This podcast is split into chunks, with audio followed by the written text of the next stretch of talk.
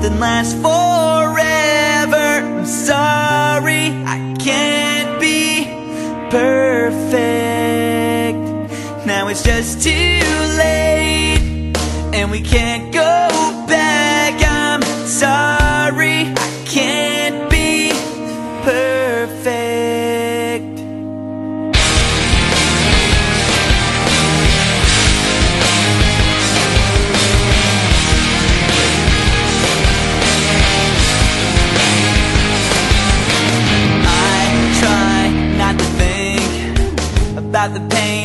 feel inside. Did you know you used to be my hero?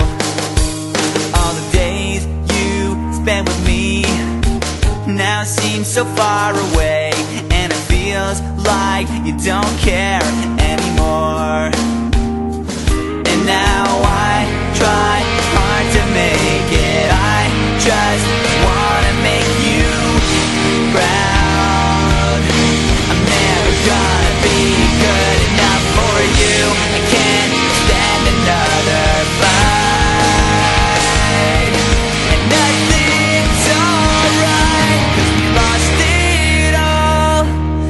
nothing lasts forever. I'm sorry, I can't be perfect. Now it's just too late, and we can't go back.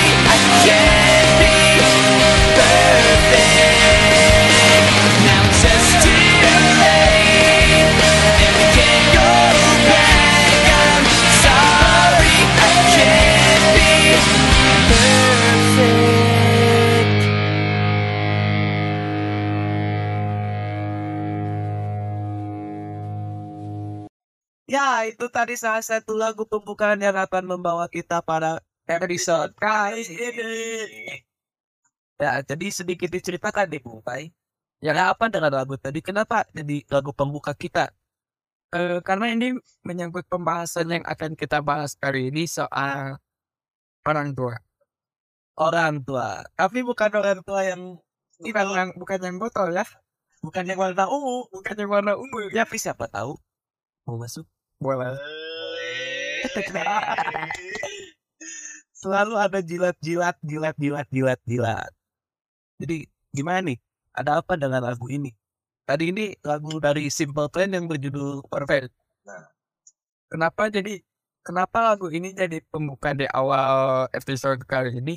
Karena lagu ini itu ya deskripsiin soal pendapat orang tua yang menyuruh anaknya untuk kayak gini tapi si anaknya nggak mau Nah, lagu ini ditulis oleh sing, sang penulisnya karena dia waktu waktu mau ngeband lagi merintis band orang tuanya tidak setuju gitu. Ya, Terdapat pertentangan. pertentangan itu yang ngebuat setiap anak kuat menurut gua Pasti. Jadi untuk kali ini kita akan membahas antara apa sih hubungan antara orang tua dan cita-cita.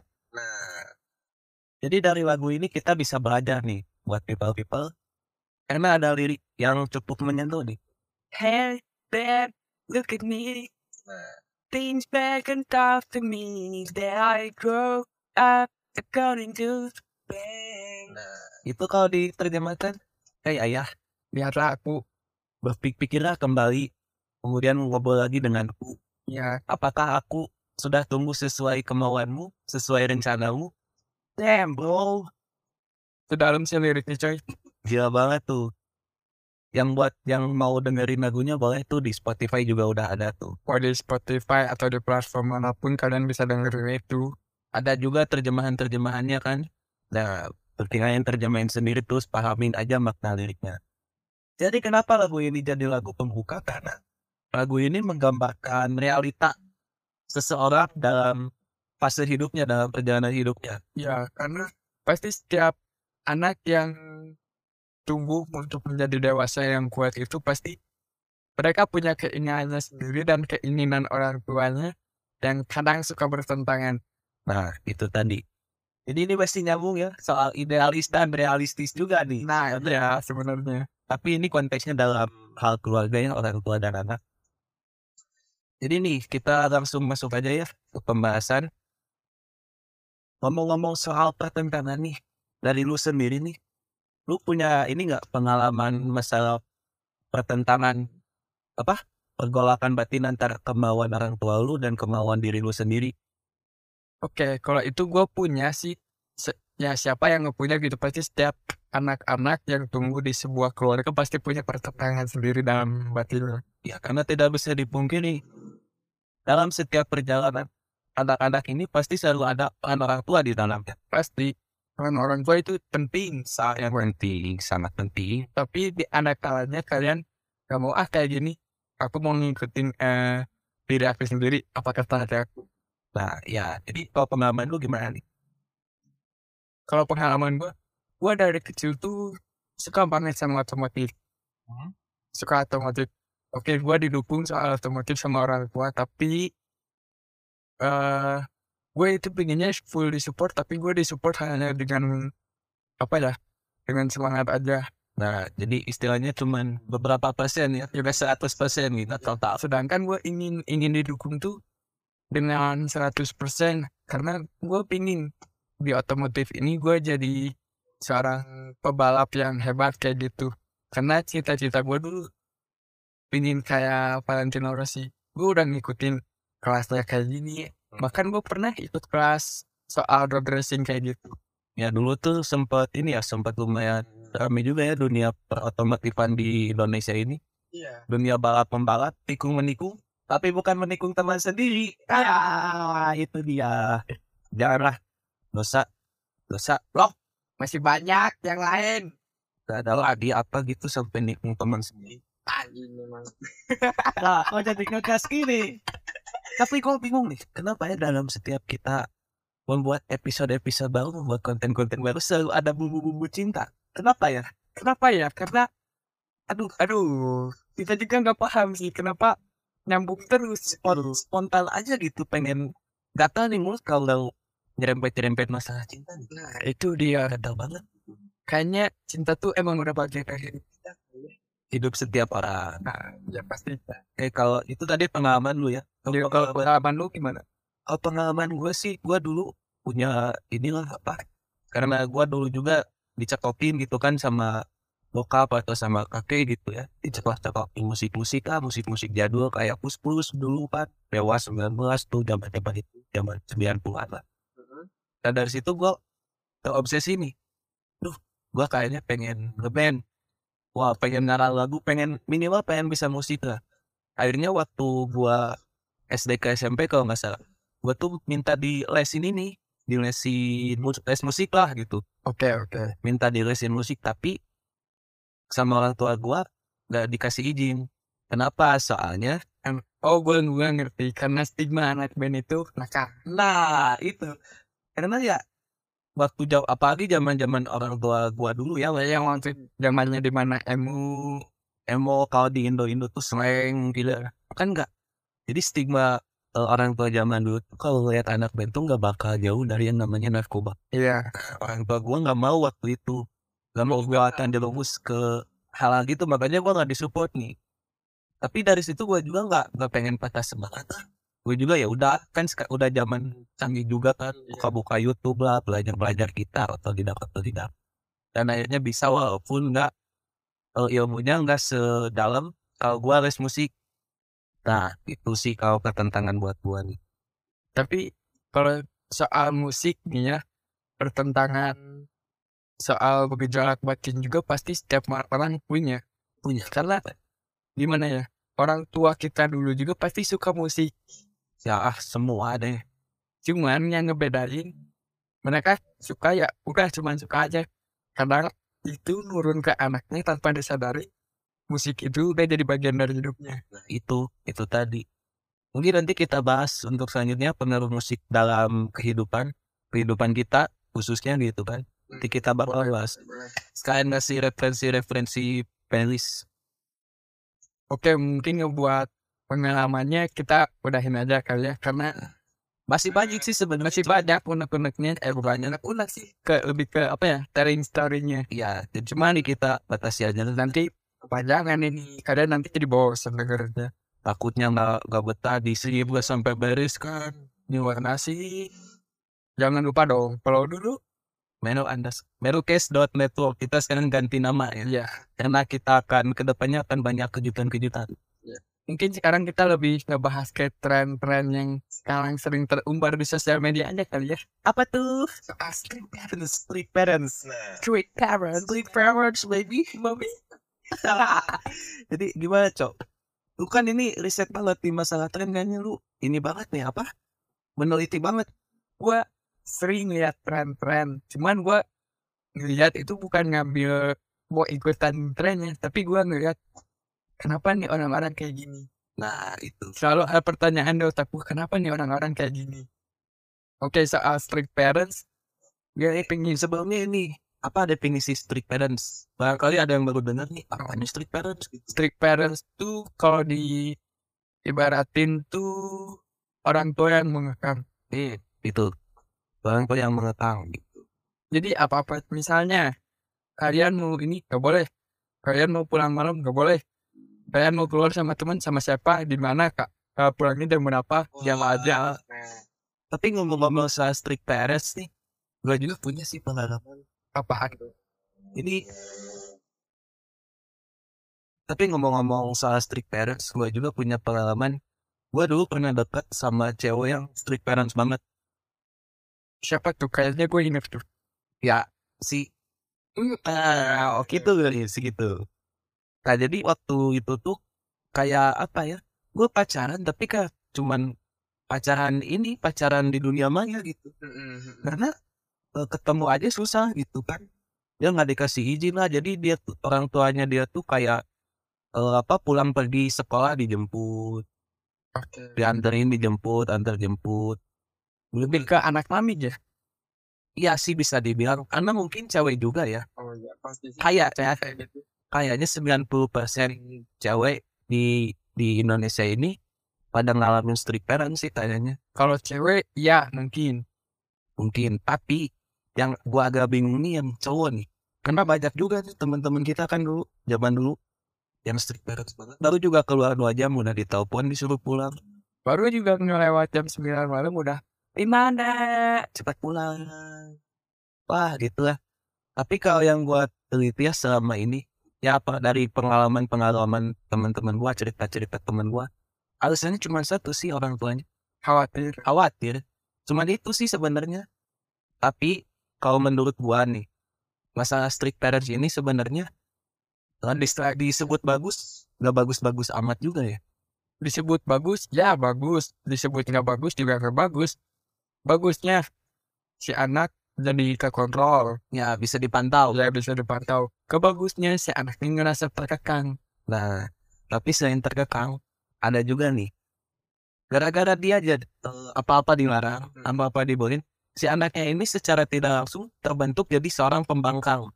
ya ya ya gue ngerti Jadi pemberontak itu karena ya mungkin masih masa-masa pergolakan batinnya, masa-masa remaja kayak gitu lagi menggebu-gebu nih emosi dan lain-lainnya hawa-hawa nafsunya. apalagi kalau misalnya lingkungan lingkungannya tuh yang barbar barbar kayak gitu Iya sih.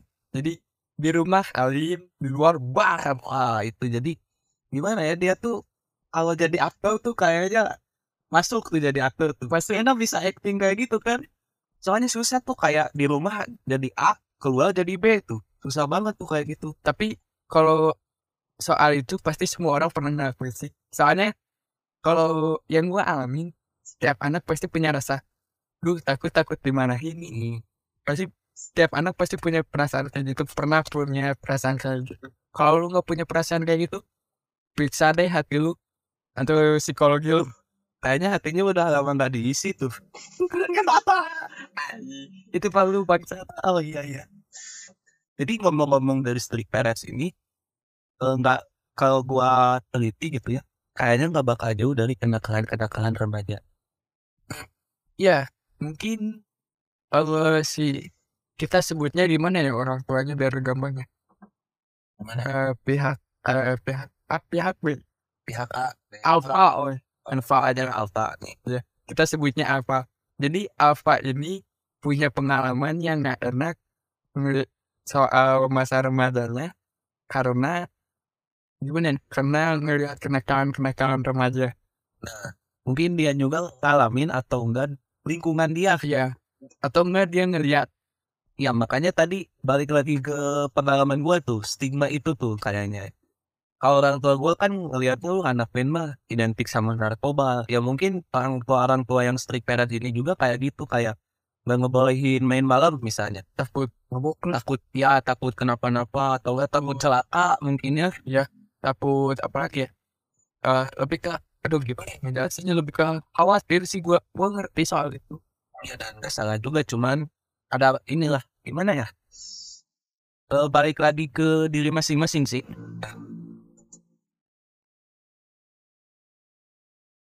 Tapi kayaknya balik lagi ke diri masing-masing sih. Mau jadi yang nurut sama orang tua atau enggak mau jadi yang pembangkang ya itu terserah gitu kan. Benar sebentar Ad- Gak ada salah ada benar juga sih kalau menurut gua. nurut ke orang tua itu penting tapi lebih baik kalian mengutarakan isi hati kalian sama orang tua kalian Itu salah satu cara tuh. Kalau mau untuk dikasih menghindari jadi untuk menghindari rasa yang kalian rasakan sebagai strict parents Nah itu. Udah kalian ngobrol aja gitu. Kalau misalnya kalian ngerasa udah bisa, udah dewasa, udah bisa jaga diri, udah bisa apa ya, udah bisa bertanggung jawab atas diri kalian ya udah kalian ngobrol aja. Misalnya kayak gini nih, misalnya ke nyokap nih. Eh bu, udahlah jangan jangan ngelarang-ngelarang ini itu, teh udah gede, udah bisa jaga diri, udah bisa bertanggung jawab gitu. Ya kasih pengertian lah, tapi kalian juga sambil buktikan gitu. Kayak main malam tuh ada hasilnya lah minimal gitu. Gak pulang-pulang gak talent lah, jangan jangan kayak gitu. Kalau kayak gitu nanti makin hilang kepercayaan orang tua kalian. karena gimana ya orang tua tuh pasti ingin anaknya selalu di jalan yang baik Dan gak ada orang tua yang ingin menjerumuskan anaknya ke hal yang negatif. Tidak pernah ada, tidak pernah. Tapi balik lagi ya ini kehidupan gitu. Kalian juga berhak apa punya hak untuk mengeksplor diri kalian nih untuk mencoba segala hal dalam hal yang positif ya. iya kalian juga berhak mencoba dalam segala hal-hal yang positif sebagai experience kalian gitu dalam menginjak apa dalam perjalanan menuju kedewasaan itu. kalau buat gua sih eh kalian harus negesin jati diri kalian ke ke orang tua kalian buat bahwa kalian tuh orangnya kayak gini kalau kalau papa mama pingin eh pengen aku kayak gini aku nggak bisa kalau itu bertentangan sama hati kalian ya Ya, Jadi ini kesimpulannya dari strict parents ini ya udah komunikasi. Kalau kalian pengen keluar apa maksudnya nggak pengen dikekang sama orang tua ya komunikasi. Komunikasi. Daripada kalian membangkang nantinya makin susah lagi. Karena gimana pun orang tua yang selalu ada di belakang kalian di samping kalian di depan kalian apa pun kondisi kalian bagaimanapun keadaan kalian orang tua itu pasti selalu ada. Seburuk sejahat-jahatnya anak seburuk-buruknya anak yang namanya orang tua nggak akan ngelepasin itu aja. Pasti deh pasti kerasa banget tuh. Kalau gue ada pikiran kayak gini bukan pikiran sih gue lebih punya prinsip kayak gini. Gue lah gue punya orang tua gue lahir di keluarga ini tapi gue harus hidup dengan cara gue sendiri. Nah, itu dia. Kalau sedikit curhat aja lah. Sedikit lah, sedikit sharing. Tanpa menjelek-jelekan keluarga gua sendiri gitu ya. Jadi di keluarga gua tuh ada ya, eh, apa? Ada gengsi. Gengsi jadi setiap dalam keluarga gue itu semuanya minimal harus punya gelar S1. Jadi diutamain banget nih. Kalau nggak punya gelar tuh kesannya kayak madesu gitu kan. Kayak nggak bakal jelas ke depannya gimana nih. Nggak bakal sukses gitu-gitu. Nah, dari situ gua jadi sedikit mikir nih apa kok kenapa ya keluarga gua kayak gini? Tapi ternyata emang didikan-didikan sebelumnya ya kayak gitu ya. Dari apa buyut-buyut gua gitu emang nekaninnya kayak pendidikan tuh nomor satu. Bukan pendidikan sih lebih ke gelar. Nah gelar tuh nomor satu. Kalau- kalau di keluarga gue gak peduli lu di mana atau gimana pun ke- kondisi lu lu bisa belajar dari mana pun nah jadi kalau misalnya gua ngebayangin nih jadi keluarga lu misalnya lebih enak itu sih. Jadi gue sebenarnya kayak punya ini kayak punya beban sama tanggung jawab gitu. Mau nggak mau gue harus punya gelar. Sedangkan gue ngerti lu orangnya kayak gimana. Hmm. gelar yang kita dapat itu bakal jadi omong kosong. Bukan bakal dari omong kosong bakal nggak berpengaruh besar dalam hidup kita karena kita itu orangnya eh, dinamis. Dan gue ju gue jujur aja nggak bosan kalau misalnya ngelakuin hal yang gitu-gitu aja. Ya kalau menurut gue pendidikan 12 tahun itu udah cukup.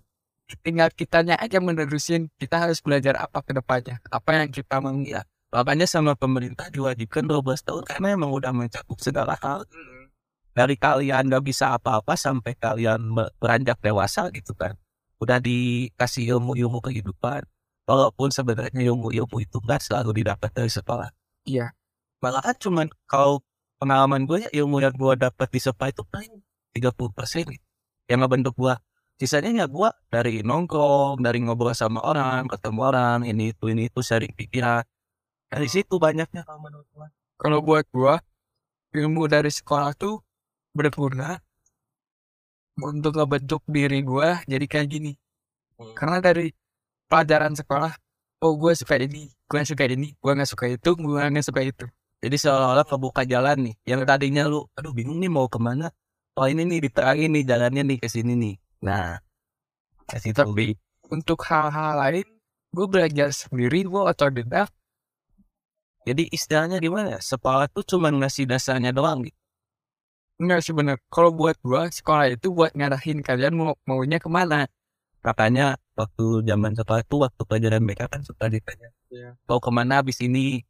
Mau ke SMA mana atau ke SMP mana atau pengen kuliah di mana? Kadang juga dibantu kan difasilitasin kayak dimasuk masukin SNM SBM dan lain-lainnya. Cuman ya itu kalau menurut gua antara masa depan kita sama orang tua itu sebenarnya selalu bertabrakan ya. Justru malah menurut Mike kayak nggak bisa sinkron Iya, pasti bertabrakan. Karena masa depan yang orang tua mau dan yang kita mau tuh beda. Kalau kalau kita ya, ini mah kalau kita. ibaratnya gini orang tua kita orang tua kita itu generasi satu kita generasi dua Nah, perbedaan impian antara kedua kedua generasi ini pasti udah beda karena teknologi juga makin berkembang iya. Zaman orang tua kita dulu nggak ada yang namanya YouTube. Gak ada Podcast juga nggak ada dulu. boro-boro kuat Ya kan? Handphone aja gitu, cuma bisa dipakai nelpon doang. SMS makanya SMS kenapa pentingnya kalian buat nemuin jati diri kalian atau kalian yang punya street parent itu kalian harus ngobrol Ngobrol gitu. Maks maksudnya kalian tuh ini aja terbuka aja gitu maunya gimana gitu kan siapa tahu orang tua kalian ngerti dan bisa nge-support kalian atau ngebukain jalan buat kalian kalaupun menurut orang tua kalian lah nggak- kenapa kayak gitu? Udah kayak gini aja nih kayak gini benar gini gini gini.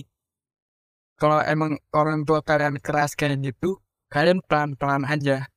Pelan-pelan aja. Dan kalian juga sambil buktiin. Ya cuman ngomong doang ah aku pengen gini tapi kerjaannya cuma rebahan kalau kata orang Sunda tuh ini hadolin tahar modal Kenapa? Kita tuh kayak gitu. Ya sambil buktiin juga gitu. Kalau kalian punya impian, ya maksudnya tunjukin gitu progres kalian gitu, perkembangan kalian. kita udah ya kehitungnya kita udah lama hidup. Kita juga udah ketemu banyak orang. Dimulai dari oh ntar kita kayak gini kayak gini. Akhirnya orang-orang yang kayak gitu nggak tahu pada ke mana dan akhirnya kita berakhir berdua. Iya. Itu lah sa- sama ya, orang-orang yang berpower dulu kan nongkrongnya sama yang gitu sama yang anak-anak pama yang kerjaannya cuman mabuk dan mabuk. apalagi kalau bukan mabuk Nah itu pokoknya hidup di well, apa masa-masa itu pokoknya nggak jauh dari yang namanya anak tapi di masa-masa itu banyak pelajaran loh Hmm. Lihat banyak orang-orang yang ngomongin plan A, plan B, plan C, bahkan semua alfabet disebutin, Hmm. tapi datanya nggak dikerjain itu karena mereka cuma pengennya yang instan. Nah ini kayak kasus kemarin-kemarin nih. Iya. ngomong-ngomongin instan soal kasus trading-trading itu kan. Wah diiming-imingin kalian deposit 10 dolar bisa jadi 50 dolar. Kan instan banget tuh. Ya 50 dolar jadi tapi kalau keterusan boncos. dijual. BPKB kendaraan disekolahin disekolahin disekolahin. nah, jangan sampai kayak gitu. Karena percayalah perjalanan kalian menuju kesuksesan itu paling nikmat kalau mengalami naik turun. Progresnya lika-liku belok kanan belok kiri. Itu yang jadi apa ya sensasinya tuh di situ gitu. Daripada yang instan kan? Ah, tapi semua juga emang kalau it- kalau misalnya rezekinya langsung sukses langsung instan kan? Itu ya gak apa-apa. Tapi kalau misalnya soal-soal instannya kayak training kemarin-kemarin Rom itu nggak akan bisa. Karena gimana ya tiba-tiba kalian dari eh nol bukan siapa-siapa tiba-tiba boom. Nggak akan ada yang instan kayak gitu. Kalaupun ada itu nggak akan bertahan lama. Contohnya ada si itu Dino Salaman. Si Dino Salaman. Siapa ya itu ya? Tiba-tiba ada jadi crazy rich crazy rich iya crazy-nya mah iya rich-nya enggak anjing. Yang yang gue heran tuh banyak di di sosmed sosmed yang dia kan bikin kuis kuis ikutan. Ah ini ini iko iko nah sumpah itu ngetek ngetek anjing. Pada akhirnya ketangkep malah. Ke mana? Tuh pura-pura nggak kenal anjing itu bukannya panutan sih. Ya udah udah itu cuman sekedar intermezzo aja ya. Tapi ngomong-ngomong tadi soal strict parents yang gua tadi sempat bilang gua ngerasa dibebanin sama orang tua gua. Kenapa? Karena orang tua gua waktu itu eh, nanamin mindset ke gua kayak gini. Nih misalnya papa atau mama cuman sanggup sampai S1 gitu. kamu harus lebih. Nanam itu yayain anak kamu. Eh untuk. Untuk ngebiayain anak lu sendiri nanti Iya, tapi kalau gua mikirnya gini nih. Eh, apa? Ya gua juga punya punya takdir gua sendiri, punya jalan hidup gua sendiri, punya passion yang gua pengen sendiri kan. Jadi kalau orang tua gua itu mindsetnya lebih ke ini, bekerja oke jadi PNS atau ngejadi ya yang pegawai-pegawai negeri lah, yang aman-aman gitu kan itu udah pasti aman. Cuman di sisi lain, ke satu gua orangnya nggak suka ini ya nggak suka dikekang sama aturan gitu. gak suka kegiatan yang monoton. Ya yang manut yang gitu aja. Yang main aman gue gak suka. Gue suka ya sama kayak lu yang waktu episode sebelumnya lu bilang kan iya. hidup itu kalau penuh tantangan kayaknya lebih berasa aja kan. Nah itu tadi. Makanya kalau orang tua gue pengennya ya kayak gue kuliah S1 S2 biar cari kerjanya gampang. Oke, tapi karena kutip di zaman sekarang walaupun lu kuliah tapi lu nggak punya pendirian yang kuat lu bakal kalah sama orang-orang yang lulusan SD Iya, banyak juga kok ya pengusaha pengusaha pengusaha yang kita kenal ternyata cuma lulusan SD SMP tapi dia orangnya nggak apa ya nggak mau terikat sama pendidikan gitu. Maksudnya nggak terikat sama ijazah mungkin ya. Bisa ini ah bodo amat lah. Ya, yang pernah gue yang menurut gue ya itu pemikiran gue eh pengusaha-pengusaha yang sukses itu karena mereka punya tekad yang kuat dan pantang menyerahnya.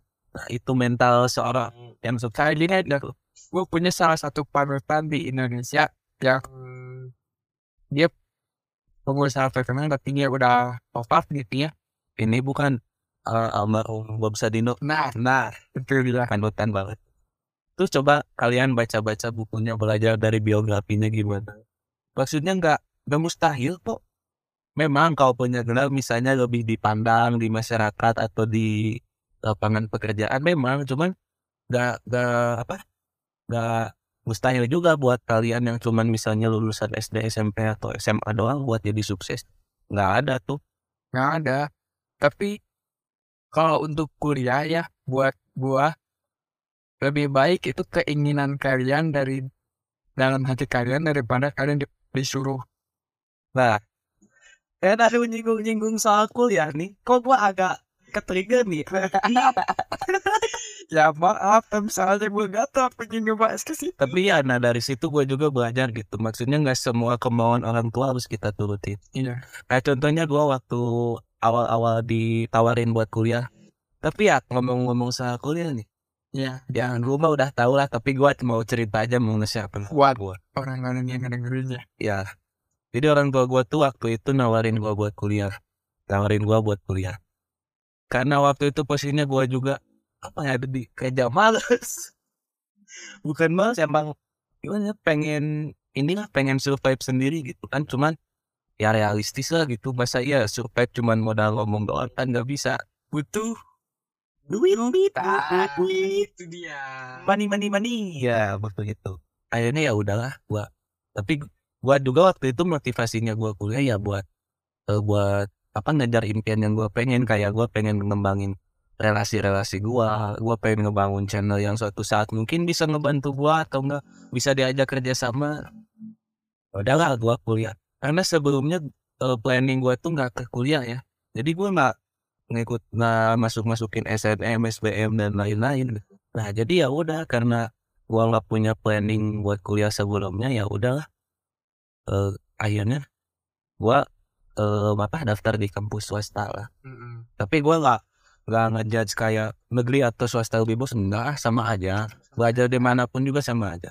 kedua dan kaliannya Cuman yang waktu itu jadi pergolakan tuh ya eh, apa gua juga seneng sama suatu hal gitu. Gua juga punya passion lah kayak waktu itu ditanya, "Sob mau ngambil apa?" Eh jurusannya gitu ya. Prodinya mau ngambil apa? Biar pengalaman dikit ya, biar agak chill. Karena gua orangnya seneng ngobrol sama orang atau enggak sering eh, seneng ngasih saran gitu ya ngebantu ngebantu walaupun nggak ngebantu secara materi atau apa. Tapi contohnya dari gua ngasih saran gitu mereka pada ternyata gua seneng kan? Akhirnya gua ngobrol ngobrol lah ke bokap gua. Pengen ngambil psikolog. Terus kata bokap gua apa? Atuh kalau psikolog mah gini gini gini harus ngambil S2 lagi baru bisa buka praktek oke lah gua terimain. Ya udah kata gua gua pikir-pikir lagi. Kan masih ada waktu tuh gua mikir apa ya apa ya? Kan eh, minat yang sesuai minat kita ya yang sesuai passion kita. Karena gua dulu punya impian pingin berkarir di dunia musik gua nyeletuk lagi pengen ngambil seni musik apa kata orang tua gua. Mau jadi apa? Mau jadi apa? Karena seni musik itu penekanin kita untuk berpikir kreatif loh ya tapi ya namanya orang tua gitu ya. Mungkin pemikiran orang tua gua eh, masih terbawa di suasana lampau mungkin ya. Mungkin. Kan dulu emang wah ngeri banget yo kalau bermusik zaman dulu tuh survive-nya edan-edanan. Jangankan gitu waktu gua ngedengerin musik-musik ya kelas gitu ya di, di rumah.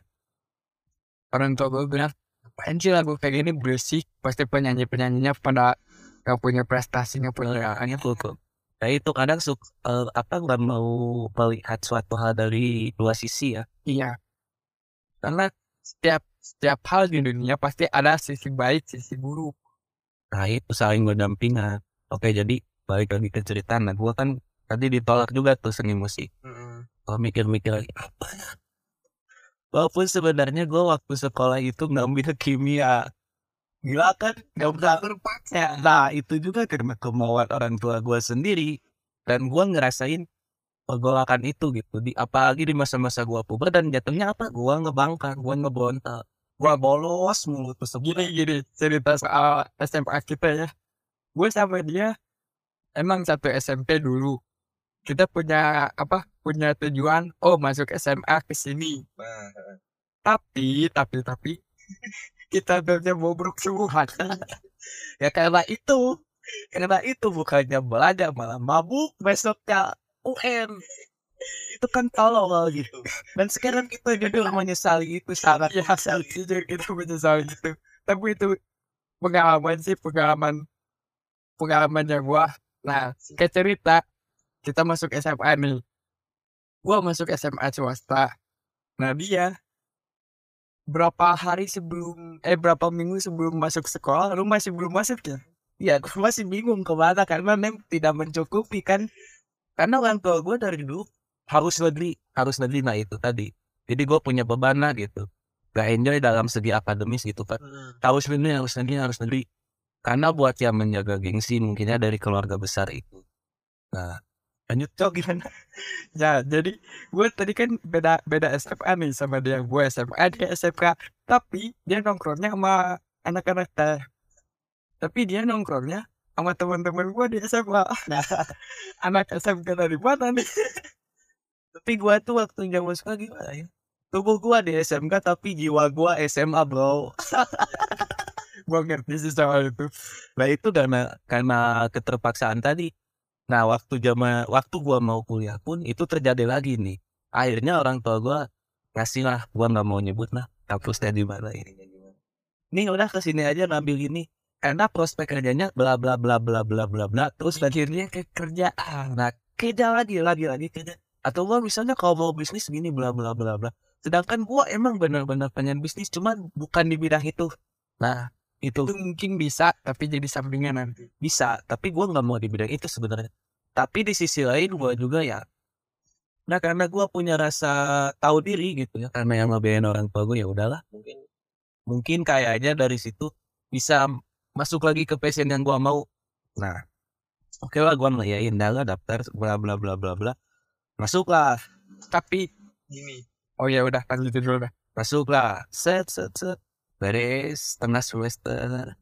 Nah tapi yang gua ekspektasiin yang gua ekspektasiin selama ini soal dunia kampus karena tujuan di awal tadi gua kuliah karena pengen mengembangin relasi dan lain-lain.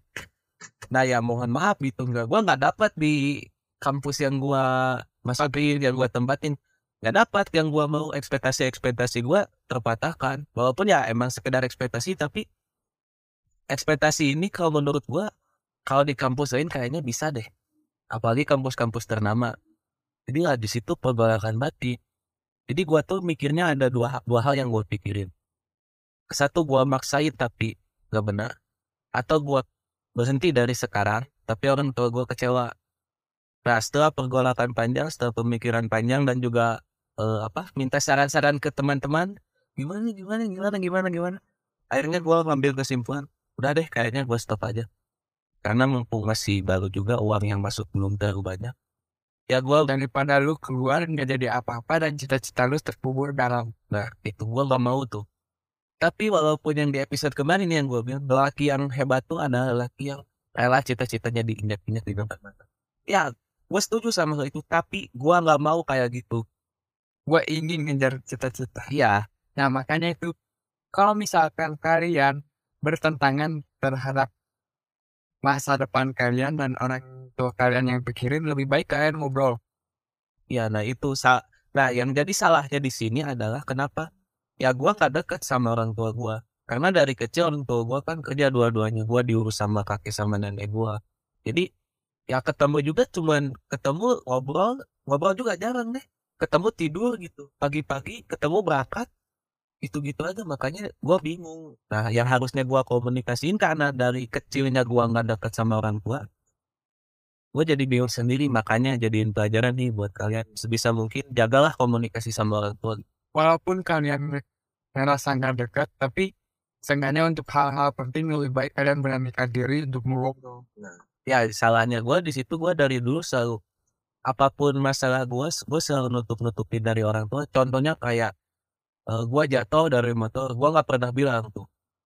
Ya udah buat pendam sendiri akhirnya kan ujung-ujungnya parah orang tua lagi. Nah itu salah salahnya di situ ya. Lebih baik komunikasiin.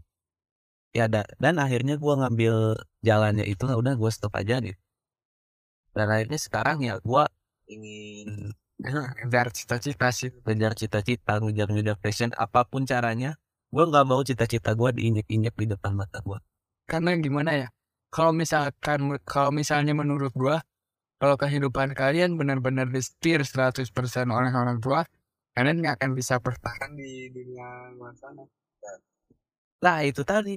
Karena in the end of the day-nya ya udah kalian juga bakal punya keluarga kalian sendiri kalian bakal ngebentuk keluarga kalian sendiri dan kalian juga bakal berpisah sama orang tua kalian entah dari misalnya rumah atau enggak maut yang memisahkan kan itu udah pasti kejadian walaupun kita nggak tahu kapan. Nah makanya itu kita harus walaupun orang tua kita mau ini tapi kalau misalnya kemauan orang tua itu di kalian lu kayaknya enggak deh. Ya udah mending kalian lakuin aja apa yang kalian suka. Kayak yang tadi lu bahas lu pasti bakal punya keluarga sendiri punya anak sendiri. Nah itu kalau misalkan kalian nggak bisa apa kalau misalkan kalian hidupnya di setir 100% oleh orang tua kalian kalian nanti akan jadi street parent. Nah itu next karena yang gue lihat dari orang tua gue juga ya gitu didikan dulu dari kakek dan nenek gue ya kayak gitu juga sama. Makanya nurun. Jadi kalian cuma ngikutin oh yang kalian udah lakuin itu kayak gini ya anak kita harus kayak gini juga. Sedangkan realitanya nggak seperti itu kan? Iya. Ajaran ajaran orang tua kita dulu dengan kita sekarang itu beda. Beda dari zaman aja udah beda. Apalagi buat orang orang tua orang tua yang nggak mau mengikuti perkembangan zaman. Bukan nggak mau sih lebih ke nggak bisa nggak bisa ngikutin. Nah itu.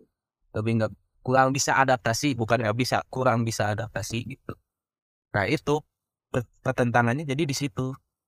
Jadi menurut lu nih mengikuti kata orang tua dengan lu bertentangan sama diri lu sendiri atau mengikuti kata hati lu dengan bertentangan dengan pendapat orang tua? Nah itu ya pilihan kalian sendiri gitu. Kalau kalian main zona aman ya udah ikutin orang tua kalian. Apalagi yang punya privilege privilege kan? Tapi jangan harap kalian akan jadi pemenang di kehidupan ini. Nah. Kalian bakal terus dibayang-bayangin sama nama-nama orang tua kalian. Iya. Jadi gini, kalau misalkan kalian mengikuti kata orang tua kalian dan kalian nggak 100% diri kalian masuk ke, ke situ, kalian nggak akan bisa nentuin pilihan kalian sendiri. Gimana? Suatu hari nanti orang tua kalian pasti punya apa ya? Punya batas usianya sendiri yang artinya orang tua kalian akan pergi. Kalian nggak bisa berdiri dengan kaki kalian sendiri. Iya. Kalian akan bingung. bingung Duh ke mana ya Padahal itu nih seluruh gini gini gini diikutin diikutinnya kata gue juga kau buat orang-orang yang pengen main zona aman besok aja ikutin Tapi suatu hari nanti kalian bakal ngerasain kalau misalnya kan kalian berada di zona aman itu, kalian akan bingung sendiri akhirnya. Iya lebih ke kalian gak apa ya Hidup kalian stuck di situ benar. monoton monoton gak ada hal-hal baru yang kalian explore karena ya main di zona aman ya resikonya kayak gitu walaupun hidup kalian aman untuk beberapa tahun ke depan tapi ya itu tadi Nggak akan ada yang tahu siapa pun. Misalkan kita esok hari atau lusa kita akan ngadepin hal apa? Kita nggak akan tahu. ya karena hidup itu misterius. Ya kak kayak gini deh. Kata-kata yang mungkin banyak orang dengar. Kemarin kemarin adalah sebuah cerita. Hmm. besok adalah sebuah misteri. Hari ini adalah sebuah berkah. Jadi hiduplah dengan pilihan kalian. Nah, jadi itu kesimpulannya.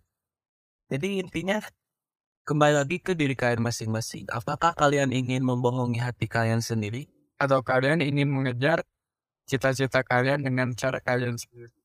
Itu ya. Walaupun kalian jangan menjadikan hal ini eh, untuk apa ya untuk balas dendam dan harap orang terhadap orang tua kalian jadi kalian nggak mau dengerin omongan orang tua kalian Guys, lebih baik, lebih baik ini nih ya.